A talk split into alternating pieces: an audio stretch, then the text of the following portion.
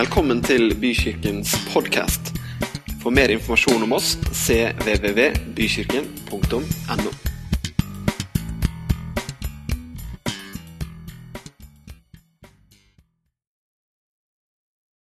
Takk, kjære Jesus, for at vi får lov til å være her, Herre. Takk for dette fellesskapet, Herre. Og takk for hver enkelt en som er her, Gud. Jeg takker deg for din velsignelse over barna der oppe, Herre. Jeg takker deg for din enorme kjærlighet til Jesus. Og jeg takker deg for din enorme kjærlighet til oss, Herre Jesus. Takk for at du rører ved oss i dag, Herre. Du ser alt hva vi trenger til enhver tid.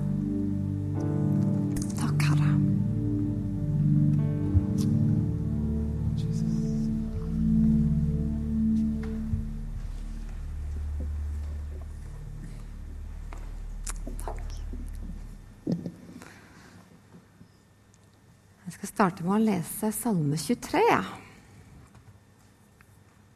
Herren er min hyrde. Jeg mangler ikke noe. Han lar meg ligge i grønne enger. Han leder meg til vann der jeg finner hvile. Han gir meg nytt liv. Han fører meg på rettferdighetsstier for sitt navns skyld. Om jeg enn skulle vandre i dødsskyggens dal, frykter jeg ikke for noe ondt. For du er med meg, din kjepp og din stav, de trøster meg. Du dekker bord for meg like foran mine fiender. Du salver mitt hode med olje. Mitt beger renner over. Bare godhet og miskunn skal følge meg alle mine dager, og jeg skal bo i Herrens hus gjennom alle tider. Salme 23 det er en, en, viktig tekst for oss, eh, og kanskje for mange av oss til ulike tider i livene våre. Eh, og den har sikkert betydd veldig mange ulike ting for dere som er her i dag. Eh, men det er lett å glemme litt innholdet i denne salmen og ta det innover oss fullt og helt. Og For meg så gir denne teksten, salme 23, den gir meg en liten sånn wake-up call i ny og ne. Og gjerne med litt sånn ulike, ulike innfallsvinkler litt fra hvor jeg står i livet. Så jeg hadde lyst til å dele noen av de tankene med dere i dag. Um, ja. Siden jul så har jeg um, Oi, der kom det mye, mye lys hit. Ta litt drikke. Siden jul så har jeg jobba i en litt ny stilling i Horten kommune uh, og har fått lov til å bli kjent med noen nye mennesker. Uh, og se nye muligheter i å bygge opp en ny, ny liten seksjon som jobber med kommunikasjon. Eh, og så skjønte jeg raskt da, eh, at eh, den største muligheten jeg fikk denne våren, det var å begynne å sykle til jobb. Fordi denne gjengen av veldig fine folk de er utrolig hyggelige og fine, men de er ekstremt aktive og sporty. Så jeg skjønte fort at å ikke melde seg på denne sykle til jobben-aksjonen det var helt uaktuelt. Det var bare å hive seg rundt. Og så kan man jo si da, at den syklet til jobben-aksjonen er litt sånn urettferdig. For hvis du sykler fra Sandefjord til Horten, så får du jo samme poengsum eh, omtrent som å sykle fra eh, Horten sentrum og da kanskje bare to minutter bort til jobb. For da har du jo sykla til jobben. Eh, så det er litt sånn dårlig, dårlig, deal i utgangspunktet. Nå har jeg da, eh, Åsgårdstrand-Horten er jo ikke veldig langt. Um, og noen kan vi kanskje si at det er et sånn privilegium å få noen til å liksom, eh, dytte seg opp av sofaen eh, og begynne å trene når våren kommer. Eh, og vi heter da Team Overtråkk.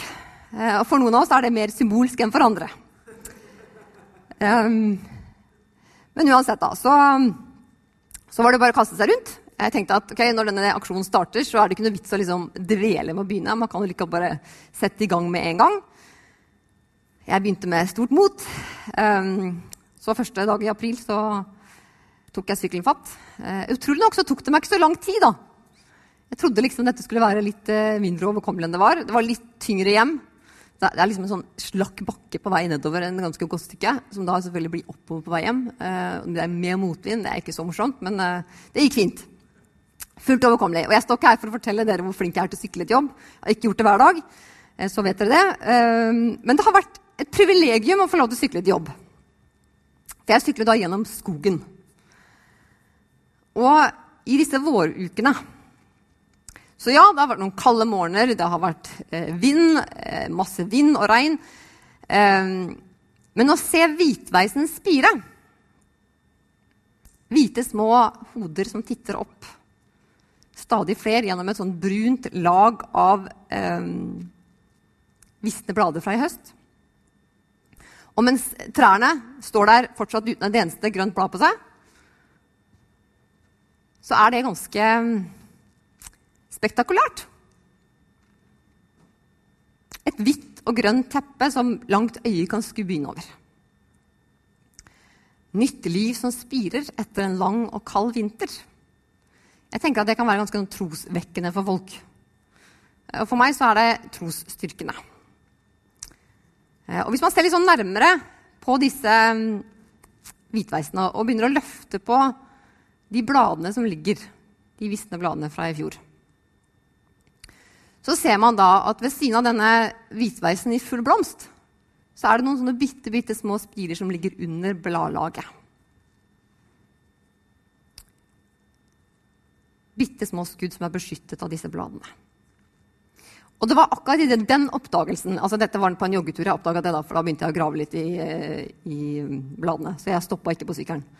Um, men akkurat i den oppdagelsen her så fikk jeg, en, fikk jeg noen tanker som jeg hadde lyst til å dele med dere. Fordi Gud har gitt oss ulike talenter og gaver. Og Noen ganger så er det sånn at våre gaver har blomstret veldig kraftig en periode i livet.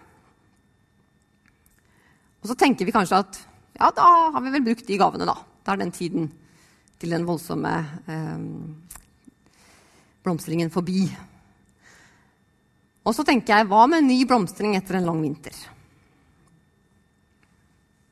Og så har Gud også lagt noen gaver og talenter ned i oss som vi kanskje ikke våger å bruke eller hevde så veldig høyt. For det er jo mye lettere å bruke de gavene som andre åpenbart oppdager hos oss. Det er mye lettere å benytte seg av akkurat de enn de gavene som er mer skjulte. Jeg synes Det er veldig interessant med å jobbe med nye folk da på jobb. For de har liksom noen veldig åpenbare arbeidsoppgaver. Men så plutselig så skjønner man jo at her er det jo masse mer ved den personen som ikke kommer får lov til å blomstre på arbeidsplassen. Kanskje det er noen muligheter for det. Og jeg blir alltid um, like fascinert av denne historien om Joyce Mayer, som hun gjerne skriver og forteller i forskjellige sammenhenger. Uh, som, hvor hun da hadde, følte at Gud hadde sagt til henne at hun skulle tale. Og når hun fortalte dette til de andre i menigheten sin, eh, så fikk hun klar beskjed om at det var ikke en oppgave for henne. Og vi vet jo at eh, dama i dag hun har prekt og skrevet bøker eh, til tusenvis av mennesker. Um, men jeg tok løvet da vekk, forsiktig vekk fra disse spirene med hvitveis og tenkte jeg på alle de egenskapene vi kanskje ikke våger å handle på i frykt. Vi lar kanskje de egenskapene ligge der, beskyttet fra sollyset under løvlaget. Vi kan skjerme det lille skuddet fra kulde. Vi er redde for å bli avvist av andre. Vi kan skjerme skuddet mot vind. Vi er redd for folks kritikk. Eller vi kan skjerme skuddet fra tørke. Redd for at Gud ikke skal gi oss nok påfyll. At Gud har gitt oss talenter, eh, og at vi er begavet eh, Begavet er ganske tungvint ord. Eh, begavet med ulike ting, det er udiskutabelt. Det trenger man ikke å diskutere. Men det var en gudstjeneste her for noen måneder siden. Hvor jeg sto i benkeraden under lovsangen her.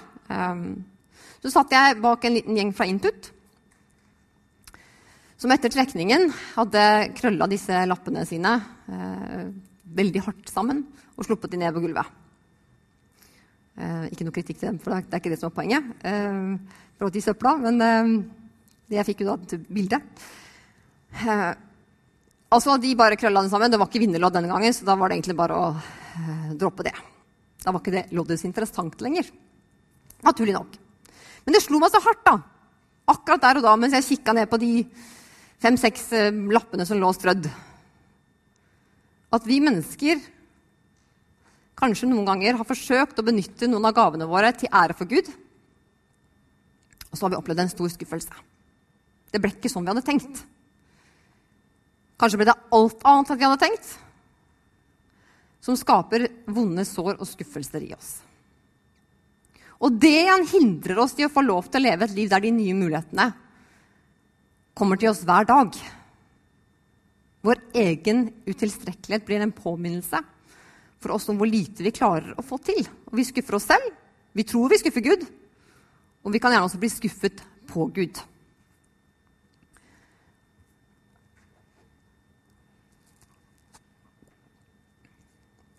Det er ikke alt vi forstår.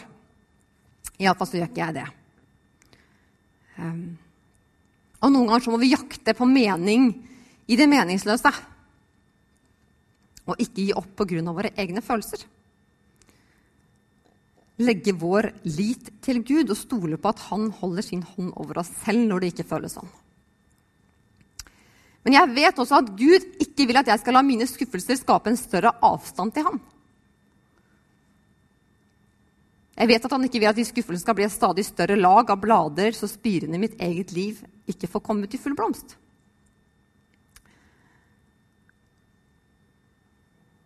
Jeg har eh, sånn lite drivhus. For, eh, jeg tror det er forkultivering man kaller det. Sånn lite drivhus. Så høyt, kanskje. Eh, som Julia har anbefalt meg å kjøpe. Um, hvor man da kan så noen frø, og så får det lov til å spire, og så kan man plante det videre. Jeg sådde noen frø i det drivhuset for noen uker siden. Det er vel kanskje mange uker siden nå, men det, det spirte ganske kjapt. da. Det blir jo fint og varmt inni denne boksen. Eh, og så tenkte jeg at eh, Når liksom disse spirene begynte å stange i taket inni den boksen, eh, så tenkte jeg at da er det på tide at liksom, de kan få sin egen, eh, egen potte og vokse enda mer. Og jeg syns jo disse skuddene så veldig sterke og fine ut. Så jeg plantet de videre med stor, stor tro på at her blir det veldig mye basilikum. Jeg kan lage pesto i alle mulige retninger. Um, og den dagen jeg planta de ut, da, så tenkte jeg at uh, da var det ganske fint vær. Ganske rolig og stille. Så jeg bare plasserte dem der jeg tenkte at her får de fine forhold. Her er det bra med sol. Og så kom det vind. veldig, veldig mye vind. Eh, det var Vind som tok med seg de partyteltene vi faktisk monterte til 17. mai-feiringen på skolen i Åsgårdstrand. Eh, ganske store, tunge partytelt som bare tok av sted. Eh, og det var ikke noe stor suksess da, for de basilikumplantene mine. Kanskje så er det sånn at de, den eneste nytten de kommer til å gjøre, er det bildet her. Men har, jeg har sett at det er noen av de som begynner å liksom kvikne til. Men det er noen som ikke har kvikna til i det hele tatt. Jeg tror mamma kom bort og sa hva er det du har drevet med her, Inger-Lise? Eh, og jeg ignorerte det spørsmålet og tenkte dette svarer jeg ikke på. Eh, beklager det. Eh, Syns det var litt flaut at jeg ikke hadde fått til disse fine skuddene. Men er, jeg tror det er håp for noen av de. For nå har jeg liksom passa på vind og sol og passe med, med mengder med vann. Så da tror jeg det skal gå. Poenget mitt er vi må beskytte spirene i vårt eget liv. Og vi må beskytte hverandre. Vi er her for å støtte hverandre. Skjerme nye spirer fra dårlige vekstvilkår. Det være seg ny tro eller nye oppgaver. Det er ingen av oss som mestrer alt perfekt fra første stund, og kanskje vi ikke skal mestre ting perfekt heller. Vi er tross alt bare mennesker. Så det er noe med den balansen da, mellom det å gjemme seg under bladlagene og aldri få et snev av sollys og bare la det nye skuddet uten sterke røtter, eller det å bare la det nye skuddet uten sterke røtter få lov til å klare seg selv. Og som et sånn morsom integrasjon eller eksempel eller så sendte Rabben Dove eh, melding til lederteamet her for en uke siden. Spurte om noen kunne ta talen i dag. Og da tenkte jeg ja, det kan jeg. Eh, men den meldingen sendte ikke jeg med en gang. For jeg tenkte nei, eh, det er sikkert noen andre som er ment som skal ta den. Jeg får se, jeg får se liksom hva som skjer. Um, og det er jo litt sånn der, de der, Så endte det med at jeg svarte ja, da. Men jeg gjorde det liksom til jeg tenkte noen andre skal ikke få sjansen til å gjøre det først. Så utrolig teit. Um, når man får den der tanken liksom, ja, så skal man handle på det. Men vi bærer med oss masse tanker som ikke er oppbyggelige for oss. Da. Som er litt sånn gir oss ikke den veksten vi trenger. Jeg bare lesset på med blader jeg der og da. Skjermet det der lille skuddet for nye, nye livgivende solstråler. Og så er det noe med at vi velger om vi vil leve en ny dag med nye muligheter. Legge de nederlagene vi har, bak oss. Legge skuffelsene bak oss. og skjerme oss bedre mot motgang i neste rekke. Fordi Gud har sagt at vi kan stole på Han. Du lurer kanskje på hvor eh, Salme 23 ble av. Jeg kommer til det. Men først skal jeg lese fra ordspråkene. Ordspråkene 3, 58. Sett din lit til Herren din Gud av hele ditt hjerte. Stol ikke på din egen forstand. Kjenn Han på alle dine veier, så skal Han gjøre dine stier rette. Vær ikke vis i egne øyne. Frykt Herren og vik fra det onde. Det skal være helsebot for din kropp og gi ny styrke til dine ben. Det er ikke vår egen forståelse, det er ikke vår egen innsikt, men det er Gud.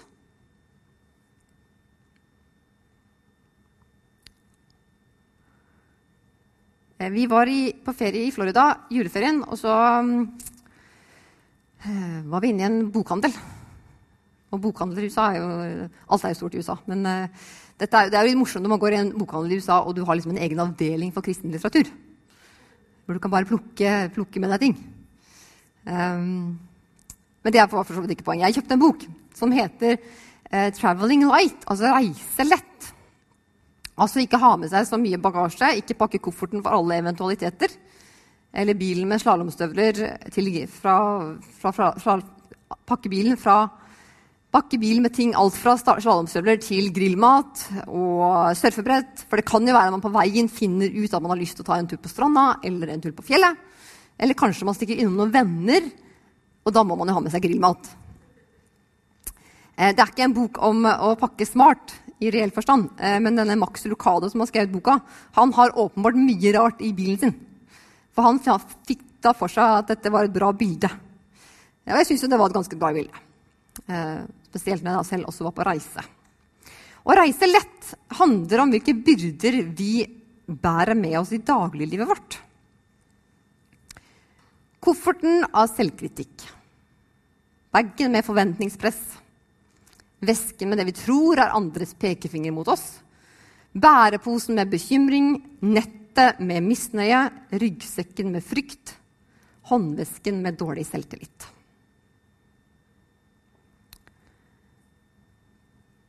Og eh, når jeg sitter og leser boka, og jeg skulle jobbe med den talen, så kom jeg på min første speiderleir.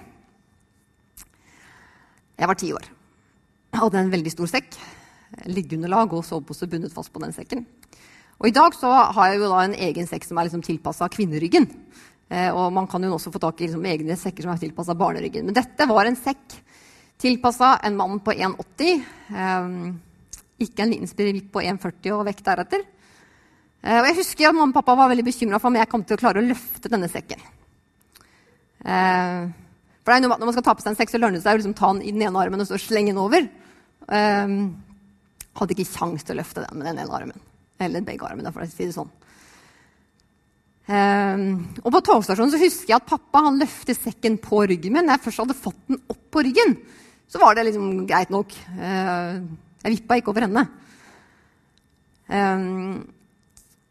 Men uansett, altså, så når vi kom på toget, sånn, så, så jeg skulle av toget, så tenkte jeg da setter jeg meg ned og så tar jeg lirker den på, og så bare reiser jeg med, med, med, med sekken på ryggen. Eh, og så var det da at uh, Dette var jo da et sted med en togstasjon som var bygget kun uh, for denne, dette stoppet uh, når det var speidleir. Så det var en perrong som var kanskje ti meter. Toget er jo ganske mye lenger enn det. Så hvis ikke du da var i riktig vogn, så måtte du bare hoppe ut. Uh, så jeg slang da sekken først. Smart nok, i hvert fall det. Og hoppa ut etter. Eh, og så kom det noen hjalp oss å liksom, frakte bagasjen til et sted. Så tenkte jeg ok, dette går bra. Um, men jo, da hadde vi en sånn liten samling, og så sa vi at ja, nå kan dere gå videre. Da måtte jeg da ha den sekken med meg til leirplassen vår.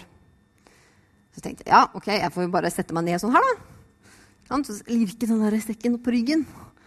Og når jeg da skal eh, reise meg opp, så litt, blir jeg litt sånn fortung. Så jeg faller sånn her. Uh, og må lirke meg selv ut sånn. Er det noen som har sett meg? Um, så jo ikke spesielt smart ut. Og der er du liksom fullt av pågangsmot. Du er ti år, skal på din første speilleir og prøve å være liksom sterk og klare deg selv. Og så er den sekken altfor stung. Eh, men det var ganske mange som var på vei til å finne læreplassen sin, så det var ikke så mange som så meg. Jeg husker at jeg bare sneik meg over, gjorde det en gang til, og så fikk jeg det til. Så gikk det greit. Eh, men jeg tror vi alle kjenner oss igjen i det bildet der. Å bli vippet over ende av for stor bagasje. Enten det er frykt for det ukjente, bekymring for om dette i det hele tatt kan gå bra, eh, eller det er den dårlige, snikende dårlige selvtilliten som tar fullstendig overhånd når vi trenger det aller minst. Og vi har jo da fått beskjed av Gud om at vi skal sette vår lit fullt og helt til Han. Aldri tvile på at Han står der sammen med oss og løfter oss når vi trenger det aller mest. Ofte kan vi tenke på Gud som sjefen, sjefen vår. Eh, direktøren som vi stikker innom på kontoret i ny og ne for gode råd. Som alltid er tilgjengelig for en telefon. Som alltid har en oppmuntring å komme med. Som alltid heier på oss, men fra sitt eget kontor et annet sted enn der vi er. Mens han egentlig er vår hyrde. Herren er vår hyrde. Den som går sammen med oss. Alltid. Og når vi ser Gud som en som går sammen med oss alltid hele veien, så er det kanskje sånn at det er lettere å la han bære bagasjen vår. Kanskje legger vi ikke ned byrdene våre eller bagasjen vår på korset en gang for alle. Jeg tror vi trenger at Gud tar bagasjen vår igjen og igjen. For det kommer gjerne nye ting i disse veskene. Nye ting i koffertene, nye ting i bagene. Basert på de erfaringene vi tar med oss i livet. Eh, da jeg satt og leste forordet i denne boken av 'Reise lett', så var jeg altså på reise. Det var eh, siste kvelden. Eh, jeg hadde pakket ferdig de koffertene vi hadde tilgjengelig. David og svogeren min var ute på jakt etter noen flere kofferter fordi vi ikke hadde plass til det vi hadde shoppa. Så vi reiste med andre ord ikke lett på vei tilbake. Selv om vi hadde putta en ekstra koffert inn i en av de andre på vei over, så eh, var det da juleferie. Så vi kjøpte noen julegaver. Kanskje litt for mange. Eh, men når vi kom til flyplassen og skulle stå i kø som, eh, som alle de andre, var det to familier som ikke fikk lov til å ta med bagasjetrollen sin i køen som alle de andre. Det var rett og slett litt for mye bagasje. Og tenk deg da selv å bli stående utenfor Guds plan og oppgaver fordi du bærer for tungt.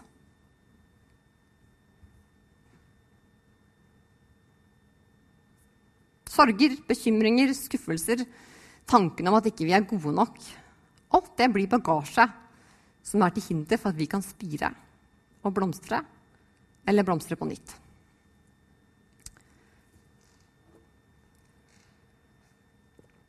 Etter at vi fikk oss hage for noen år siden, så har jeg eh, fått eh, forståelsen for ordet 'remonterende rose'. Det er altså en rose som blomstrer på nytt og nytt gjennom mange måneder. Eh, ikke bare en kort og voldsom blomstring, men det kommer nye blomster hver gang eh, med nye knupper når de andre er blomstra. Og jeg liker tanken på den blomstringen der. Der de nye knuppene hele tiden overtar for de overblomstrede blomstene. Så egentlig så ser det ut som man står i full blomst hele tiden. I Matteus 11,28 så står det Kom til meg, alle dere som strever og bærer tunge byrder, og jeg vil gi dere hvile. Noe av det verste jeg hører i de fleste sammenhenger, så det er, det er samme sitat som går igjen. Det har vi forsøkt før. Det gikk ikke. Det prøvde vi på 90-tallet. Det kan du bare glemme. Og i våre egne liv så tror jeg det er enda sterkere, det er enda lettere å huske på det som ikke gikk så bra. Og vi blir alle skuffa når ikke planen går som vi har tenkt. Det er skuffende når et håp ikke blir noe av, eller et mål ikke blir nådd. Men når ting ikke blir som vi hadde tenkt, så må vi kanskje finne en ny tilnærming. Uansett hvor, skuff, hvor, skuffa vi er, og uansett hvor små vi måtte føle oss, Kanskje var det sånn at vi ikke hadde så sterke røtter til å tåle den vinden ennå. Kanskje ble bladlaget og beskyttelsen fjernet for raskt. Kanskje var det behov for at vi skulle vokse litt mer inn i en oppgave før vi fikk hele ansvaret. Forutsetningen var kanskje ikke så god for at det skulle gå bra. Men det betyr jo ikke at det skal gå galt igjen. Vi bare tror det, og vi innbiller oss det. Men vi må huske at det er noe større som bor i oss. Vi kan ikke la våre egne følelser styre oss. Vi kan alltid bestemme oss for å bli gjenoppnevnt.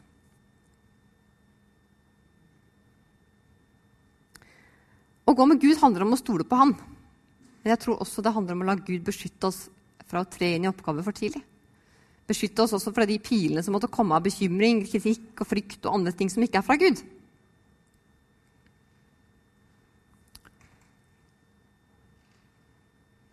Herren er min hyrde. Jeg mangler ingenting. The Lord is my shepherd, I shall not want. Eller I have all that I need. Jeg har alt jeg trenger. Herren er min hyrde. Jeg har alt jeg trenger.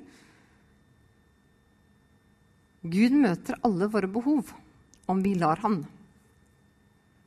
Han kan ta bort frykt, han tar bort dårlig selvtillit, han tar bort skuffelser, sår, om vi legger det ned. For noen uker siden så prekte Bent Ove om dåpen. Og det er jo rett å tenke at Når man snakker om dåpen, så er det, liksom, det er en preken til de som ikke er døpt. Eh, men det var det ikke. Det var en preken til alle oss alle, alle sammen. For spørsmålet er velger vi å leve i oppstandelsen, i nåden, det gamle begravet hver eneste dag. Velger vi å leve i velsignelsen? La den overøse, overøse oss til tross for motgang og skuffelser og alt det vi ikke forstår. Det handler ikke bare om den personen vi var da vi døpte oss. Det handler om å legge oss bak oss vår nye misnøye, våre skuffelser, vår bekymring, hver dag legge ned det vi ikke makter å håndtere alene. Der ved vannet og de grønne engene. Jeg vet ikke om du eh, gir deg selv en klapp på skulderen hver kveld og sier 'bra jobba i dag'. Jeg tror ikke det er så mange som gjør det. Jeg har lett for å tenke at hver eneste dag kan jeg finne et eller annet jeg kunne gjort bedre. Et eller annet jeg kunne blitt gjort på en eller annen måte som var bedre. Og jeg tror ikke vi skal slutte å strekke oss etter å leve i kjærlighet som denne predikanten i eh, Meghan og prins Harrys eh, bryllup i Storbritannia snakket om.